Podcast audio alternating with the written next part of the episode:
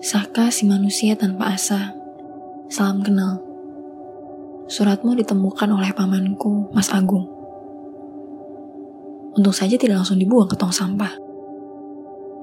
Lagi pula zaman sudah maju, tapi tetap saja kamu gunakan cara ini. Terlalu primitif, Saka. Ditambah kamu taruhnya di bawah piring bekas makanmu. Kamu tahu, yang namanya piring kotor pasti langsung dibawa ke wastafel. Kenapa kamu tidak kasih langsung? Kamu malu? Takut?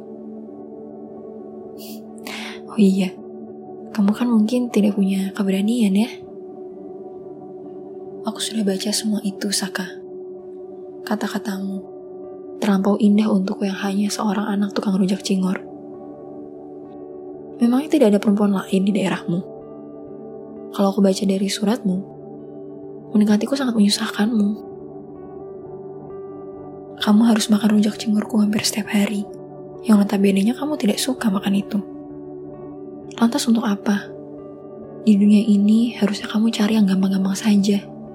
Instan kalau anak zaman sekarang bilang. Jangan menyusahkan diri sendiri, Saka.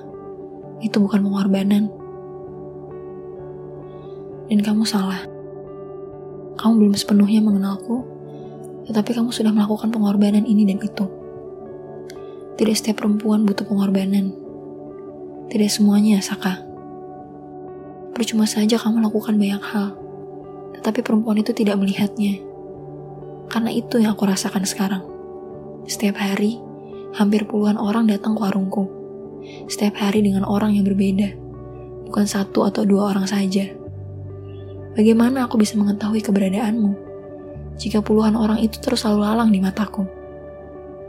Atau bagaimana jika ada orang lain yang sama sepertimu? Menyukaiku, tapi tanpa pernah mencoba untuk menampakkan jati dirinya. Jangankan mengajakku ke Jogja, keliling kota Surabaya saja aku belum tentu sudi.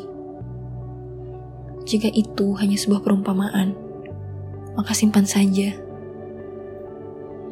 Jangan kamu umbar ke semua orang.